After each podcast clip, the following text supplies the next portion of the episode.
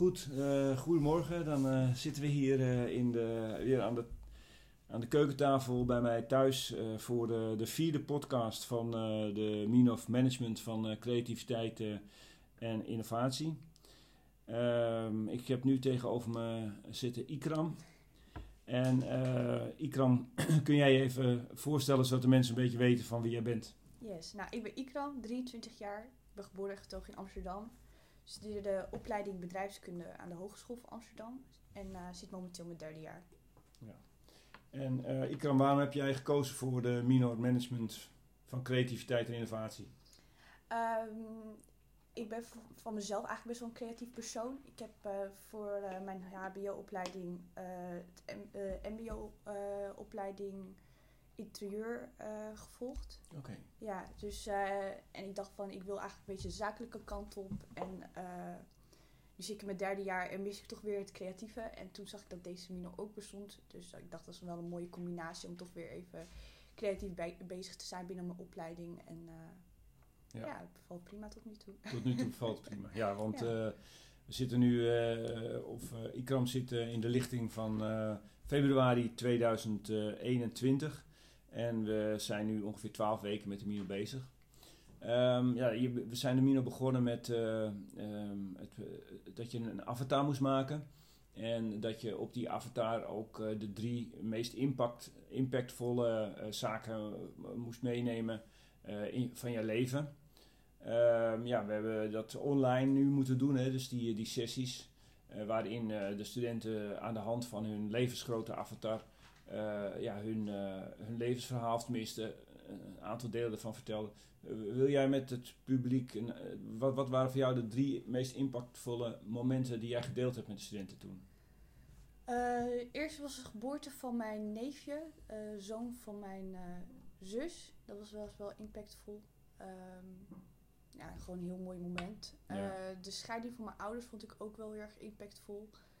Uh, ik denk dat heel veel jongeren dat hebben als hun uh, ouders scheiden, dat dat best wel een moeilijke tijd is. En uh, de derde kan ik me nou niet zo goed meer herinneren. Um,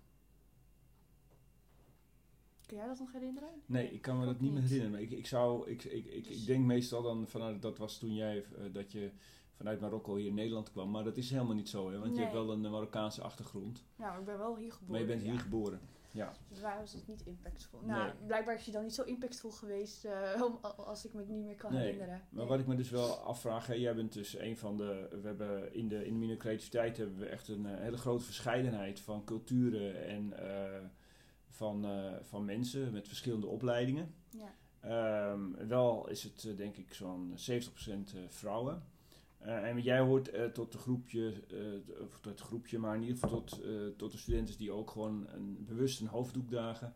En ik denk daarmee ja, ook aangeven dat, dat, je, dat je een, een gelovige moslim bent. Klopt dat of ver verwoord ik dat dan op een ja, verkeerde manier? Ja, je hebt natuurlijk verschillende beweegredenen om een hoofddoek te dragen. Ja. Maar ik denk dat wat jij net benoemde wel een van de redenen zijn, ja. Ja, ja.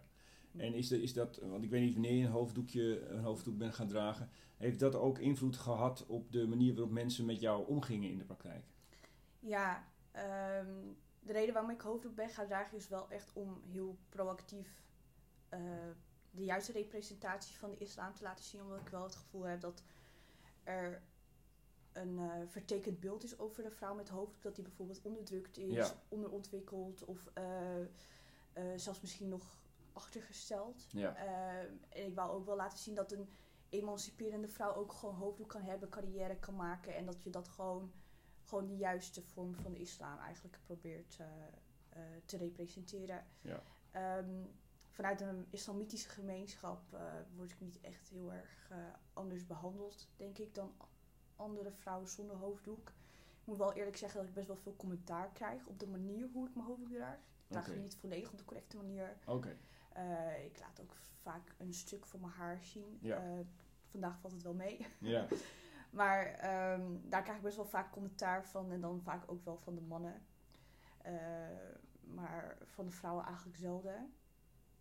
En ja, van de westerse gemeenschap krijg ik juist wel vaak de koppeling van... hey, draag je hem omdat je hem zelf wilt? Of moet het Ja. van je ouders? Of eh, wil je het zelf ook? Ik heb zelfs een keer gehad dat ik random hier op de jaarverstaat ben aangesproken door een, eh, door een mevrouw die, eh, eh, die vond dat ik geen broek mocht dragen omdat ik een hoofddoek droeg. Omdat haar voorouders hebben gevochten voor de emancipatie. Oh, wow. En dat ik mezelf dus wel onderdruk met een hoofddoek en dan toch een spijkerbroek draag. Dat vind ik Ja. wel een vreemde statement. Ja, vind ik ook. En ik probeerde het er nog wel uit te leggen. En toen was ik helemaal gehersenspoeld. Nou, dus mensen moet je ook niet te veel aandacht geven, denk ik. Eh, Nee. eh, maar ja, dus dat soort opmerkingen heb ik wel eh, over mijn dak gehad. Ja. Ja. Maar ehm, hoe oud was je dat je voor het eerst dus de, de, dat, de stap genomen hebt om, eh, om een hoofddoek te gaan dragen? Eh, ik zat toen op de middelbare school, eerste klas, dus ongeveer 12, 13. Best jong. En maar merk je dan, eh, ja, is, ik kan me best voorstellen dat in zo'n klas dan ook daarin een hele verandering, of, of was jij niet de enige, er waren meerdere, Ik was niet de enige, maar ik moet ook wel eerlijk zeggen dat in de brugklas ook niet heel veel meiden destijds hoofddoek droegen. nee, Maar kinderen op die leeftijd zijn daar ook eigenlijk niet echt mee bezig of zo. Dat, eh, nee, maar ik kan me wel voorstellen dat ze die daarom gaan pesten of zo. nee, nee, dat nee, viel is niet mee. gebeurd. Nee, Ja. nee. Oké. nee, niet ongepest. Eh, ik denk dat ze ook niet echt heel erg bewust ervan waren. Eh, je moet echt dingen aankaarten bij kinderen, willen ze er wat mee doen. Ja. Eh, je ziet ook bijvoorbeeld jonge kinderen die, die, eh, die spelen ook gewoon met een eh, wit kindje. Dat kan gewoon zomaar met een donker jongetje Ja, spelen. nee, dat is natuurlijk. natuurlijk. geen Ja. probleem. En zodra er een heel ding van wordt gemaakt, dan zie je dat ze daar wel op gaan reageren. Maar ik denk dat ze ook dat op die leeftijd nog niet heel erg bewust waren van Nee. hoofddoek of iets dergelijks. Nee. Goed, ga- gaan we even terug naar de avatar. Hè? Dus je hebt jou- jouw avatar gepresenteerd en eh, ja, we zaten dan in zo'n Zoom-sessie en meerdere mensen die presenteren dan hun, hun eh, ja, eigenlijk, eh, dingen van het leven. En soms was dat best wel emotioneel. Hoe, hoe heb, Ja. jij dat, eh, hoe heb je dat beleefd, zo, die eerste ke- kennismaking met de minor? Ja, ik vond het best wel eh, heftig en confronterend. Eh, het zijn toch wel een paar.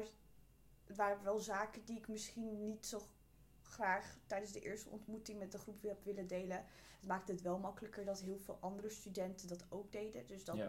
we samen ons kwetsbaar op konden stellen. Eh, maar ja, ik, ik stel mezelf liever voor met allemaal vreugdige en leuke dingen. En je pronkt ook liever met de mooie mijlpalen die je hebt behaald. Of de Ja. leuke ervaring die je achter de rug hebt dan een scheiding van je ouders Ja. of eh, iets dergelijks. Nee. Maar ik merk altijd wel in dit, dit soort sessies, hè, we, we proberen dat in een veilige omgeving te doen, zodat eh, nou ja, iedereen zich eh, gehoord voelt en eh, ja, dat, ja, dat iedereen zich ook echt kan uitspreken.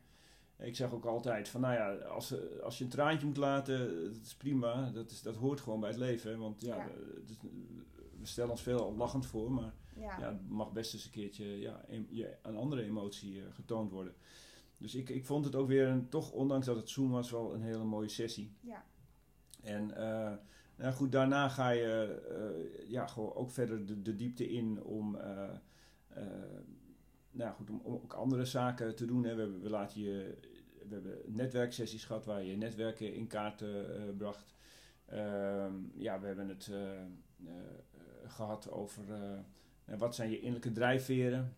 We, hebben het, we hebben het gehad over van wat is jouw kleur. Hè? Dus, dus wat, eh, ja, hoe, eh, hoe, hoe heb je die eh, sessies ervaren? Dus ook als het gaat bijvoorbeeld om je passie, had je, had je al een, heb je, heeft het jou geholpen om jouw passie te ontdekken? Of, of Ja. nou ja, vertel, vertel daar eens wat van. Ja, ik, ik zat best wel lange tijd eh, eh, in een dilemma, want ik ben best wel creatief van mezelf en ik vind bijvoorbeeld eh, sociaal-maatschappelijke onderwerpen heel erg interessant.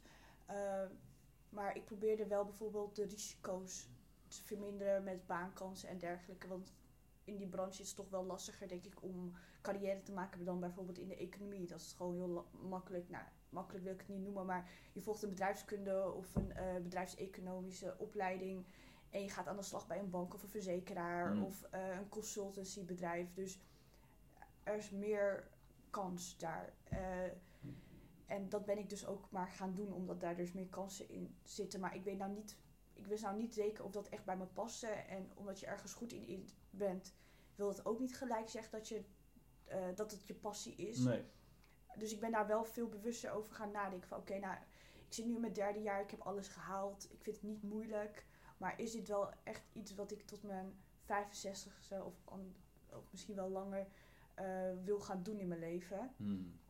En eh, moet ik mezelf gaan beperken in al die risico's die erbij komen kijken?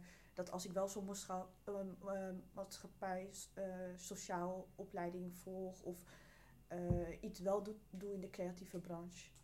Dus eh, daar ben ik wel over gaan nadenken. En ik heb ook ontdekt dat ik veel blauwer ben, dat, dat ik me voordoe. Ja, en wat, wat is wat eh, voor de luisteraar, wat, is, wat betekent dat blauw? Blauw is dat je je eigenlijk veel mee bezighoudt. Dus ook met maats- eh, maatschappelijke, sociale onderwerpen. Heel erg een gevoelsmens bent. Ja.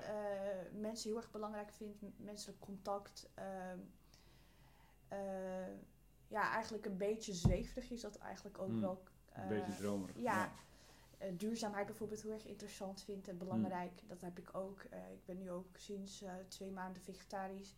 Dus het zijn wel al wel stappen die ik neem in mijn privéleven, maar niet in mijn verdere carrière of studie. Mhm. En ik heb veel, een veel groenere pad gekozen. Ja, ja, ja. Ja. Ja. Dus meer dat carrière strevende en ja. Oké, nou mooi dat je Ja. dat dan op deze manier toch een beetje ontdekt. Eh, ik heb voordat we hier aan begonnen ook een beetje voorbereid op jou, eh, ja, wie is Ikram eigenlijk. En ik heb bijvoorbeeld ook je Instagram-account eh, bekeken.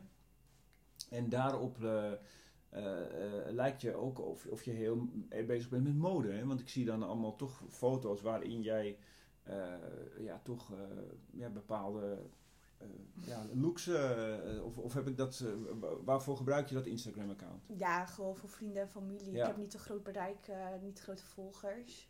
Eh, maar ik vind mode wel heel erg interessant. Ik vind het ook wel leuk om mezelf op te tutten als ik uitga of uit eten ga. Ja, Eh, maar ik ben niet heel bewust bezig met mode. Het is niet dat ik echt eh, actief ben binnen de modebranche of iets dergelijks. Nee, nee.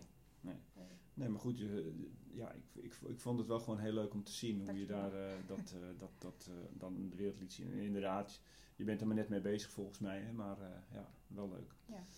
hey, en ehm, nou ja, goed, we zijn nu eh, eh, verder met de, met de Mino. Jullie hebben een, eh, een, een, een, passieproject heb je dus, eh, hebben jullie gestart. Dus je hebt een aantal eh, studenten gevonden waarmee je dat eh, samen gaat doen. Vertel eens wat over dat eh, project waar jullie nu mee bezig zijn. Ja, wij zijn bezig met een passieproject waarbij we dus eh, eh, samengekomen zijn met allemaal verschillende studenten die eh, soortgelijke of misschien aanvullende passies hebben. En eh, wij zijn met het geniaal idee gekomen om een eh, documentaire te filmen over eh, ehm, ja, eigenlijk alle problemen waar studenten zich in bevinden tijdens corona. Ja, Eh, daarvoor gaan we vier verschillende afleveringen filmen over welvaart, mentale gesteldheid, sociale cohesie en het onderwijs. oké. En hoe lang gaat die documentaire worden ongeveer? We zijn ongeveer 10 tot 20 minuten. Ja. ja. En wat is, eh, welk bereik, eh, hoeveel mensen willen jullie uiteindelijk mee bereiken? Wat is, eh, wat is jullie doel ermee? Ik weet de concrete cijfers niet uit mijn hoofd, maar we willen wel groot bereik hebben. En het, is, het is niet alleen voor de jongeren bedoeld om dit te bekijken, maar juist eigenlijk voor andere doelgroepen, zodat ze ook een kijkje kunnen nemen in ons leven en Oké. eh, weet, weten waar we, eh, met welke problemen we kampen. Ja, waar studenten mee, eh, Ja. mee, te maken krijgen in deze tijd. Ja, Nou, leuk. Ik ben heel benieuwd wat dat gaat worden. ja. Ik ga ook eh, geïnterviewd worden voor het documentaire, dus dat Ja. vind ik ook, altijd erg leuk. hey, en ik... ehm, nou, ter- tijdens deze Mino kwam ook het, het boek uit van, van, van Lale Gül. Ik ga leven. En toen ik dat, eh, toen ik dat boek eh, zag en het, ik heb het ook gelezen, toen dacht ik van nou, ik zou het toch wel heel fijn vinden om met een, eh, met een vertegenwoordiger van de, nou ja, van, van de moslimcultuur, of in ieder geval iemand die daar ook bewust voor gekozen heeft, om daar eens van gedachten over te wisselen van hoe heb jij dat ervaren? En ehm, nou, als ik, als ik nu al nou, het eerste de, gesprek heb, dan denk ik dat jij een, een hele andere ja, een manier van, eh, van leven hebt, eh, hebt gekend als, als Lale Gül. Ehm, maar zou jij wat, wat kunnen, je eerste eh, reactie na want je hebt het boek gelezen, eh, ehm, het eerste reactie nadat jij het boek had gelezen, wat, eh, hoe was het bij jou overgekomen? Ja, ik vond het best wel een heftig verhaal. Ehm, ik ben ook van mening dat heel veel dingen eh, eh, die zij heeft meegemaakt, misschien eigenlijk een beetje averechts staan tegenover de islam. Ik denk, tenminste als ik de islam die ik praktiseer en de islam die ik volg, die had haar een heel ander leven gegund. Ehm, maar ik vind het heel erg heftig en eh, vervelend voor dat ze dit ook heeft moeten meemaken. Ik denk, eh, ik zou nooit in haar schoenen willen staan in, eh, in die zin, nee. Ehm, en eh, ja, goed, maar jij, bent een heel bewust eh, Ja. levende moslim. Hè? Ja. Je hebt echt eh, daarvoor gekozen. En niet alleen voor de cultuur, maar ja, ook voor de godsdienst, zou ik maar zeggen. Ja, uit cultuur laat ik wel los in die zin. Ja, Ik vind dat bijna niet belangrijk. oké. Eh, maar dat zijn wel, denk ik, ook... eh, de, ehm, de cultuur bepaalt ook toch een beetje wel eh, ja, hoe je je als moslim gedraagt. Of zeg ik dat ver- verkeerd? Ja, dat is wel wat wij als gemeenschap ervan hebben gemaakt. Ja. Eh, ik denk dat, eh dat hoorde je misschien ook wel tijdens de cultuurdag, tijdens al die presentaties, Ja. dat veel verwarring is tussen wat nou cultuur is en het geloof. Heel veel dingen nemen we aan dat, dat het misschien islamitische richtlijn is, terwijl als je, in de, als je naar de kern kijkt dat het eigenlijk cultureel is. Ja, En helemaal niet islamitisch. Ehm, maar ja, cultuur, dat kan mij eigenlijk bijna een worst wezen. Wat de Marokkaanse cultuur vindt. Maar ik vind de islam bijvoorbeeld wel heel erg belangrijk. Ja. Ja. Dus, daar, ja, dus daar probeer ik dan wel eh, te kijken in hoeverre ik me daaraan kan houden. En daar inspiratie uit te halen. Maar Marokkaanse cultuur, ja. Nee. ja.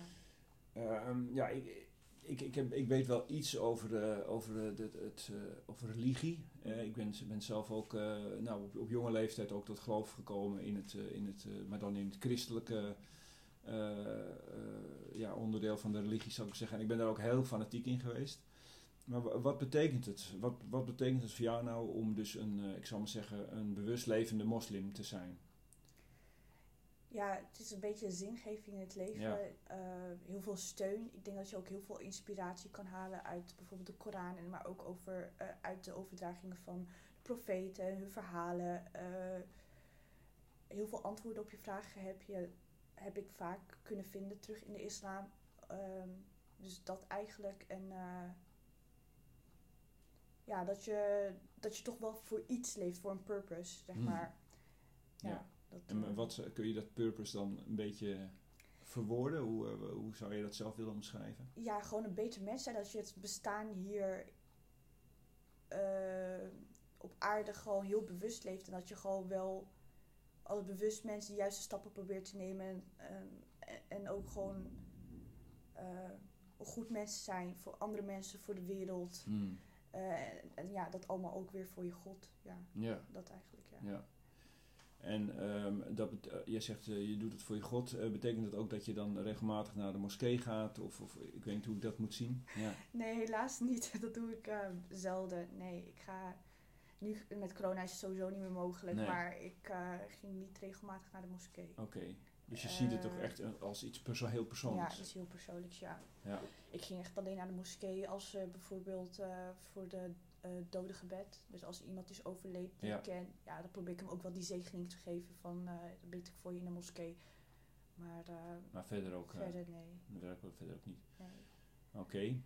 Ehm, en ehm, nou goed, ik, in mijn tijd, toen ik heel, dus heel bevlogen was, toen wilde ik ook graag iedereen overtuigen van, van het feit dat ze, ja, dat ze iets misten in hun leven. En hoe, hoe, hoe sta jij daarin? Nee, ik doe dat niet. Nee? Nee, ik, ik ben eigenlijk best wel een, misschien Nederlands daarin dan van eh, leven en laat leven. Eh, het kan me echt helemaal niks schelen wat eh, andere mensen doen en wat ze wel en niet willen praktiseren. Ik, ik doe ook niet alles perfect. Ik maak ook fouten. En om dan iedereen daarover over te oordelen, heeft voor mij denk ik weinig zin. Hm.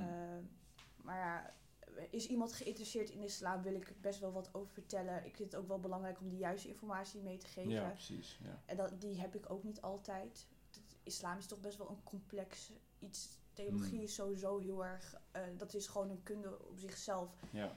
En eh, daar moet je gewoon onderzoek naar doen. Dus ehm, ja, ik durf niet eh, ontwetend dingen te, mee te geven aan mensen over de islam die ik niet zeker weet. Oké.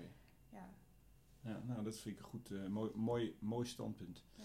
Hey, en eh, ja, als, als, we, als, als we naar Lale Gül eh, kijken, dan is het, in, mijn ogen is het, het conflict zit hem toch eigenlijk helemaal in het feit dat zij niet vrij is om te kiezen met welke, met, met, met welke mannen ze omgaat. En nou ja, dat ze dus geen vrije partnerkeuze heeft. Hoe, hoe, hoe is dat? Hoe, hoe, ja, hoe is het voor jou? Is jouw, je, bent, je ouders zijn gescheiden, maar oefenen die nog wel invloed uit om... nee, mijn, mijn moeder die komt zelf uit een ongelukkig huwelijk. Dus die vindt het eigenlijk nog belangrijker dat wij wel een goede levenspartner hebben die ons respecteert, in waarde laat. Uh, echt een partner is die aan je zijde staat. Dat het niet alleen een huwelijk is, maar mm. gewoon echt een. Uh, ja, eigenlijk meer dan dat. Gewoon dat je samen toch het beste uit het leven probeert te halen. Dus mijn moeder laat ons daar gewoon vrij in. Ja. ja. En dat is ook weer iets cultureels. In de islam mag je helemaal niet iemand dwingen om met iemand te trouwen. Je mag ook niet discrimineren. Nee. nee ik had ook wel niet, ik had niet de indruk dat, dat dadelijk Gul gedwongen werd, maar ze, er werden wel dus allerlei types aan haar voorgesteld. Zo van, uh, en dat ze ook zei van ja, ik wil niet met, een, uh, met iemand die niet uh, gestudeerd is. Ja. We, heb ik geen zin om daar een relatie mee, mee aan te gaan. maar, het is niet zo dat jouw moeder of je, of je vader komt van gewoon, nou ik heb hier een Marokkaanse jongen en... nee, nee. nee. Nee dat, ik vind dat eigenlijk ook bijna... Tenminste, bij ons in de Marokkaanse gemeenschap komt het niet veel voor. Ik ken weinig Marokkanen die uh, zijn uitgehuwelijkt of gekoppeld door hun hmm. ouders. Ze gaan vaak wel zelf op zoek naar een uh, partner. En dan hoor je wel eens verhalen dat die partner dan niet wordt goedgekeurd door de ouders. Mm. Uh, maar dat is dan misschien weer het verschil tussen Marokkaanse en de Turkse gemeenschap. Um, ja, ik ben niet Turks, ik heb ook maar één Turkse vriendin, dus daar durf ik niet veel nee, over hoeft er ook te zeggen. Nee, nee, natuurlijk niet. Nee. Maar het is niet zo dat jij in jouw, ja, in jouw vriendenkring, zou ik maar zeggen daar echt heel veel uh, ja, vervelende verhalen over hoort. Nee, nee, maar dan moet ik ook wel eerlijk zeggen dat ik wel een vriendenkring heb die best wel liberaal en vrij is. Ja, ja. Ja, en ook gewoon vriendjes hebben. Ik heb zelfs een vriendin waarbij, waarbij dat ook gewoon open is. Dat haar mm. ouders dat ook weten en zijn ouders ook. Dus uh, ja, dat, dat heb je dus dan ook. Maar ik weet wel dat soort verhalen er spelen die Lala Gul ook schrijft in haar boek, maar ik heb ze zelf nooit van dichtbij mogen meemaken. Nee, Maar, maar ja, eh, ik vind het wel mooi dat je dat onderscheid maakt hè, tussen, tussen de, de, de, de, ik zou zeggen, de religie ja. en de cultuur. Want dat, dat, dat speelt hier dan denk ik toch wel een, uh, een, grote rol in. Ja, want ik weet ook nog dat ze in het boek beschreef uh, dat bijvoorbeeld een bekeerde Nederlandse jongen vaak werd afgewezen. Ehm, Terwijl dat eigenlijk volstrekte onzin is, omdat hij gewoon moslim is. En dat is mhm. gewoon toegestaan binnen de islam om daarmee te trouwen. Dus eigenlijk ben je daar aan het discrimineren, wat ook weer een andere zonde is. Dus ja, ik, zou niet, ik zie niet in waarom een Turkse meisje niet met een Nederlandse jongen zou mogen trouwen in die nee. zin. Nee. Oké, ja. Uh, helder. Uh, nou goed, fijn dat we even kort hier ook over uh, van gedachten konden, konden wisselen. Um, ja, de, de, de, de Mino gaat richting het einde toe. Hoe, hoe zie jij jouw toekomst in? Wat, nou ja, je bent nu misschien een beetje nog aan twijfelen gebracht, maar um, ja, als je kijkt uh, over een aantal jaren, was je nog van plan naar de universiteit te gaan? Of uh, wat, wat zijn jouw... Ik was sowieso nog van plan om naar de universiteit te gaan. maar ik was wel heel erg zoekend naar welke master ik precies ga volgen. Blijf ik wel in het economische en ga ik bijvoorbeeld business an analytics studeren. Mm -hmm. Of social science. Ja, ja, ja. ja. Dat is of ja, of ja, ik zat ook wel te kijken naar een, een master sociaal-cultureel antropologie. Hmm. Dat leek me ook wel heel erg interessant. Um, maar ik moet echt nog wel even goed kijken of ik die uh, stap wel wil nemen en uh, hmm. toch die risico wil gaan nemen. Ja, ja, ja, ja. Je ziet het dus eigenlijk een, de, de keuze voor een bedrijfskundige opleiding zie je als veilig. Ja. En van dan kan ik mezelf later ook mee onderhouden. En de ja. andere, dat vind je toch, uh, daar zit meer risico aan. Maar dat past eigenlijk wel beter bij wie je bent. Ja. Oké. En ik vraag me dan ook altijd af, is het nodig om zo'n opleiding te volgen? Of kan ik me ook inzetten voor dit soort onderwerpen naast mijn carrière? Ja. Dus dat is ook wel een beetje het dilemma die, waar ik in zit, ja. Oké. Ja, nou ja, ik, ik heb... Uh, wat dat betreft uh, heb ik zelf ook, uh, toen ik van jouw leeftijd was, voor, voor, een beetje voor die keuze gestaan. Ik wilde toen ook, ging economie studeren. Maar ik moest nog wiskunde doen en ik zat toen, werk studeerde toen aan de VU. En het was me toch eigenlijk een beetje te veel. En toen zeiden mensen uit de omgeving, maar je bent zo goed met kinderen. En ik was toen fotografeerde heel veel kinderen. Dus eh, waarom ga je niet naar de PABO? Nou ja, groot, groot verschil is er Ja. bijna niet. En ik heb toen voor de PABO gekozen. En ik heb er eigenlijk nooit spijt van gehad in mijn leven. Het was echt voor mij een... eh, ja, ik, ik kwam toen ook in aanraking, eh, dat vind ik in de minor ook, met mensen die zich meer openstelden voor, eh, voor, voor, ja, voor de zaken die er werkelijk om gaan. Terwijl ja, als je economie studeert, dan, dan, ja, dan, dan kun je ook nog wel eens terechtkomen in, ja, in dingen waar je eigenlijk, nou ja, ja, die verder van je afstaan. Ja. Eh, ik ben toen, toen wel later, eh, ik ben leraar, uiteindelijk heb ik dan wel het leraarschap in de economie gekomen en ik Ja. heb me gespecialiseerd in ondernemerschap. Dus ik ben la- later wel, ehm, dan ben ik eigenlijk weer op dat pad teruggekomen, maar ik, ik, ik was achteraf niet, eh, niet eh, ehm, rouwig over de keuze die ik gemaakt heb. En, maar dat vind ik ook mooi van het leven. De keuzes die je nu maakt, ja, die kunnen ook eh, in de toekomst weer eh, rechtgetrokken worden. Ja, nee. Zo. Dus het is niet zo dat je een, een keuze goed of fout maakt, maar dat je nou ja, de altijd weer gelegenheid, gelegenheden krijgt om ook dan weer om te buigen. ja, dat is wel mooi. Ja. Nou Ikram, ik vond het heel leuk om eh, je hier aan tafel te hebben. Dankjewel voor je openhartige eh, eh, manier van spreken. En ik wens je veel succes met eh, het afmaken van de minor. Dankjewel. Yes, dankjewel.